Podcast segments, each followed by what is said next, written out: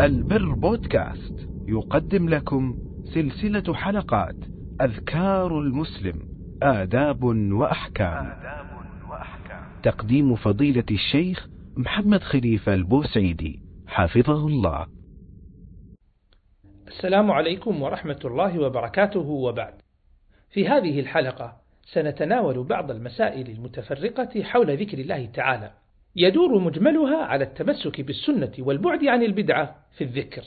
مثل حكم العمل بالحديث الضعيف في الأذكار أو حكم تخصيص الذكر بمكان أو زمان معين من دون وجود دليل صحيح على هذا التخصيص ونحو ذلك من المسائل المهمة. فمن المسائل المهم معرفتها هل يجب التقيد بالأذكار الشرعية الواردة عن النبي صلى الله عليه وسلم في الأحوال والأزمان المختلفة أم تجوز الزيادة عليها؟ خرج البخاري ومسلم في صحيحيهما عن البراء بن عازب رضي الله تعالى عنه أن رسول الله صلى الله عليه وسلم قال لها إذا أخذت مضجعك فتوضأ وضوءك للصلاة ثم اضطجع على شقك الأيمن ثم قل اللهم إني أسلمت وجهي إليك وفوضت أمري إليك وألجأت ظهري إليك رغبة ورهبة إليك لا ملجأ ولا منجا منك إلا إليك آمنت بكتابك الذي أنزلت وبنبيك الذي أرسلت واجعلهن من آخر كلامك فإن مت من ليلتك مت وأنت على الفطرة. قال البراء فرددتهن لأستذكرهن. فقلت آمنت برسولك الذي أرسلت أي بدل آمنت بنبيك الذي أرسلت. فقال له النبي عليه الصلاة والسلام قل آمنت بنبيك الذي أرسلت. فلم يأذن النبي صلى الله عليه وسلم للبراء أن يغير كلمة واحدة في الذكر بل أمره أن يلتزم اللفظ الذي علمه إياه. ومثل هذا أيضا دعاء الاستخارة فإنه قد ثبت في صحيح البخاري أن النبي صلى الله عليه وسلم كان يعلم أصحابه دعاء الاستخارة كما يعلمهم السورة من القرآن. وهذا ظاهر في أنه كان يريدهم أن يتقيدوا بألفاظه. وفي الصحيحين أيضا أن رسول الله صلى الله عليه وسلم كان يعلم أصحابه التشهد كما يعلمهم السورة من القرآن. ولا شك أن الأذكار النبوية فيها كل خير. وقد أجمع العلماء رحمة الله عليهم على أن الذكر الوارد عن النبي صلى الله عليه وسلم خير من غيره فخير الهدي هدي محمد صلى الله عليه وسلم. وهو صلوات ربي وسلامه عليه أعلم الناس بربه وهو أفصح العرب وأعلم الناس بمواضع الكلام فاتباعه صلى الله عليه وسلم فيه إصابة خير كثير والإعراض عن سنته في الأذكار وفي غيرها فيه تفويت خير كثير. وإني لأعجب والله ممن يضيع الأوقات الطويلة في تعلم ذكر الشيخ الفلاني أو ذكر الشيخ الفلاني ويترك ما ثبت عن النبي صلى الله عليه وسلم من الأذكار الصحيحة المباركة. وهي كثيرة متنوعة. لا تكاد تجد حالة أو وقتا من صباح أو مساء إلا وللنبي صلى الله عليه وسلم ذكر خاص فيه. فعليك أخي المسلم أختي المسلمة إن كنت تريد خير الدنيا والآخرة بتتبع الأذكار النبوية الصحيحة وتفهم ما فيها من معاني وفوائد تفوز بخير كثير. والله تعالى أعلم. ومن المسائل التي يحتاج إلى معرفتها الذاكرون في هذا الباب. حكم استخدام المسبحة أو عدادة التسبيح. اختلف العلماء في هذه المسألة وسبب اختلافهم يرجع إلى أمرين اختلافهم في ثبوت الآثار في ذلك. فقد جاءت أحاديث تدل على أن النبي صلى الله عليه وسلم لم ينهى عن استخدام التسبيح بالحصى كما أن هناك آثار عن بعض الصحابة أنهم كانوا يفعلون ذلك أي يعدون التسبيح بالحصى يضعون حصيات بعدد معين ثم يلقون حصاة مع كل تسبيحة. فإذا انتهت الحصيات التي في أيديهم يكون قد سبحوا الله بعدد تلك الحصى. فالتسبيح بالحصى كالتسبيح بالسبحة. فمن العلماء من رأى صحة هذه الآثار ومنهم من لم ير صحتها. فمن رأى صحتها جوز ومن لم ير صحتها رأى أن هذا أمرا محدثا.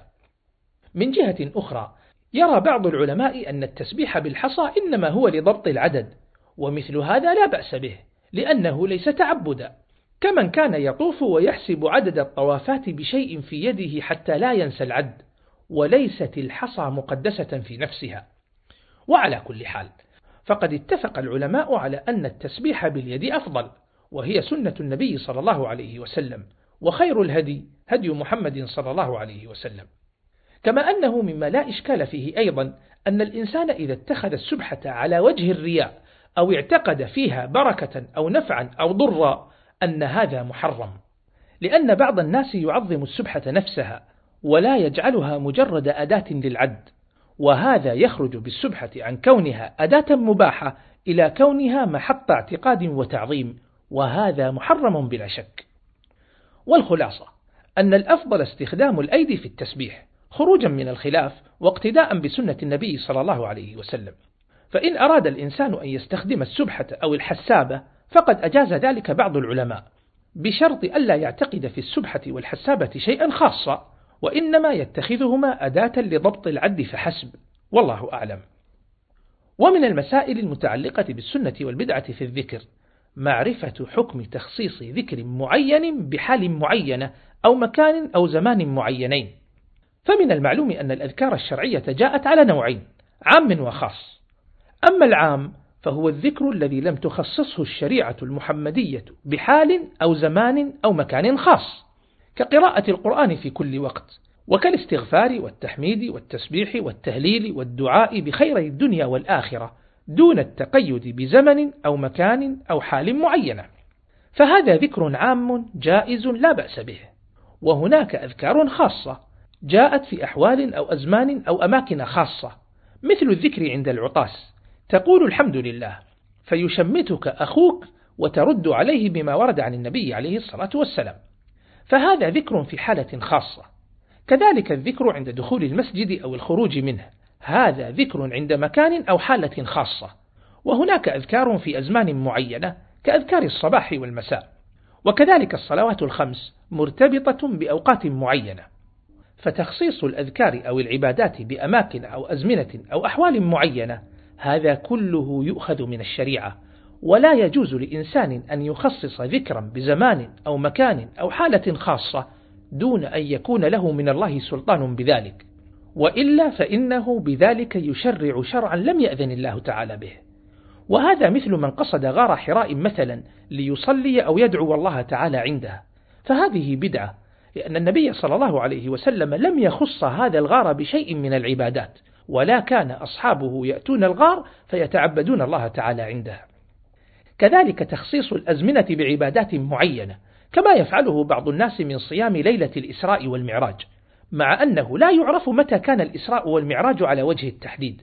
وحتى لو عرف فإن النبي صلى الله عليه وسلم وأصحابه لم يكونوا يخصون هذا اليوم أو هذه الليلة بشيء من العبادات فمن فعل ذلك فقد شرع من الدين ما لم يأذن به الله.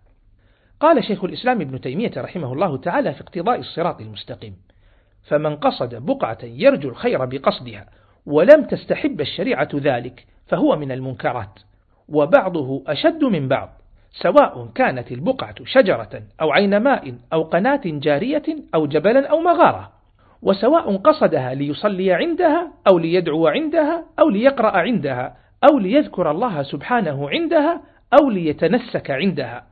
بحيث يخص تلك البقعة بنوع من العبادة لم يشرع تخصيص تلك البقعة به لا عينا ولا نوعا. قال مثل من يذهب إلى حراء ليصلي فيه ويدعو أو يذهب إلى الطور الذي كلم الله تعالى عليه موسى عليه السلام ليصلي فيه ويدعو أو يسافر إلى غير هذه الأمكنة من الجبال وغير الجبال التي يقال إن فيها مقامات للأنبياء أو غيرهم أو مشهد بني على أثر نبي من الأنبياء. ونحو هذه البقاع. فهذا ما يعلم كل من كان عالما بحال رسول الله صلى الله عليه وسلم وحال أصحابه من بعده أنهم لم يكونوا يقصدون شيئا من هذه الأمكنة. انتهى كلامه رحمه الله. ومن المسائل الدقيقة في هذا الباب أيضا الجمع بين الأذكار الواردة في المناسبة الواحدة. فإنك إذا تتبعت السنة تجد أنه قد ثبت في بعض المواضع التي يستحب فيها الذكر أكثر من حديث عن النبي صلى الله عليه وسلم مثل أذكار الصباح وأذكار ما قبل النوم وأذكار الاستفتاح في الصلاة وغير ذلك تجد أن هذه المواضع ثبت فيها أكثر من حديث. فهل يستحب أن تجمع بين أكثر من ذكر فيها على حسب الوارد أم الواجب أن تقتصر على ذكر واحد منها؟ أحيانا يستحب أن تجمع بين أكثر من ذكر في نفس الموطن وأحيانا يستحب أن تستخدم ذكرا واحدا فقط في ذلك الموطن وذلك على حسب الدليل وحسب نظر العلماء. وإذا شككت هل لك أن تجمع أم لا؟ فالاقتصار على ذكر واحد أسلم. فتستخدم هذا الذكر أحيانا وتستخدم الذكر الآخر أحيانا ولا تجمع بينهما في وقت واحد. مثال ذلك الأذان والإقامة. ورد كل واحد منهما بصيغتين. هي نفس الكلمات لكن هناك صيغة للأذان فيها ترديد لبعض الجمل سرا والسامع قد لا يلاحظ هذا لكن هي سنة ثابتة عن النبي عليه الصلاة والسلام. وكذلك الإقامة وردت بالإفراد وبالتثنية فيجوز للمؤذن أن يختار هذا أو هذا لكن ليس له أن يؤذن مرتين في نفس الوقت بالصيغتين وإن كان كلتا الصيغتين ثابتتين عن النبي عليه الصلاة والسلام. لكنه لم يرد عن مؤذن النبي عليه الصلاة والسلام أنهم كانوا يجمعون بين الصيغتين بل كان كل واحد منهم يختار إحدى الصيغتين الثابتتين عن النبي عليه الصلاة والسلام. بعضهم يؤذن بهذه الصيغة وبعضهم يؤذن بالصيغة الأخرى وكذلك الإقامة. بعضهم يقيم بهذه الصيغة وبعضهم يقيم بتلك الصيغة الأخرى ولا يجمع بينهما في نفس الإقامة. لكن من جهة أخرى الأدعية قبل النوم ورد أكثر من دعاء قبل النوم وكذلك أذكار الصباح والمساء ورد فيها أكثر من ذكر. فيجوز لك أن تجمع كل ما صح في الباب وتدعو به في ذلك الوقت على هذا درج الأئمة. فهذا الباب يعتمد على الدليل واجتهاد العلماء في فهم تلك الأحاديث الواردة في الباب الواحد. وإذا شككت فاقتصر على ذكر واحد فإنه أسلم لك حتى تعلم جواز الجمع بين أكثر من ذكر من الأذكار الثابتة عن النبي عليه الصلاة والسلام. والله تعالى أعلم. ومن المسائل المهمة في باب السنة والبدعة حكم العمل بالحديث الضعيف في باب الأذكار وفضائل الأعمال.